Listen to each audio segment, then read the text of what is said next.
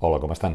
Alguna cosa no funciona en el nostre ordenament de cap manera si persones amb banderes nazis poden manifestar-se protegits per la policia a la plaça Sant Jaume de Barcelona. Va passar ahir, dia de la Constitució.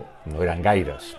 L'acte, un míting de Bascal, de Vox, no va durar ni 20 minuts, però això no és consol. El feixisme va tornar a la plaça on hi ha la seu del govern de Catalunya i l'Ajuntament de Barcelona. Tant l'alcaldessa Colau com el conseller d'Interior Samper han anunciat que portaran l'acte a Fiscalia perquè determini si el que s'hi va veure i s'hi va sentir ahir és constitutiu d'un delicte d'odi.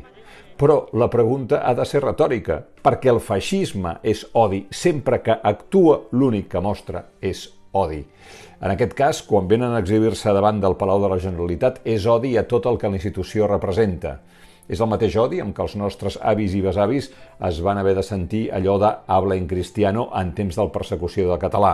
És el feixisme davant del Palau de la Generalitat just l'any, mes d'octubre, en què hem commemorat el 80è aniversari de l'afusellament del president Lluís Companys, que va ser detingut a la França controlada pels nazis i lliurat al règim de Franco perquè en fes el que volgués. Si ens importa la convivència, si ens importa la democràcia, el prestigi de les nostres institucions, la nostra autoestima com a ciutadans i com a catalans, aquesta ha de ser l'última manifestació del feixisme a la plaça de Sant Jaume. No s'entén que gent així pugui protegir-se, pugui manifestar-se i protegida per la policia. Alemanya i Itàlia tenen prohibit per llei l'apologia del feixisme i hi ha penes de presó per les persones que se saltin la norma.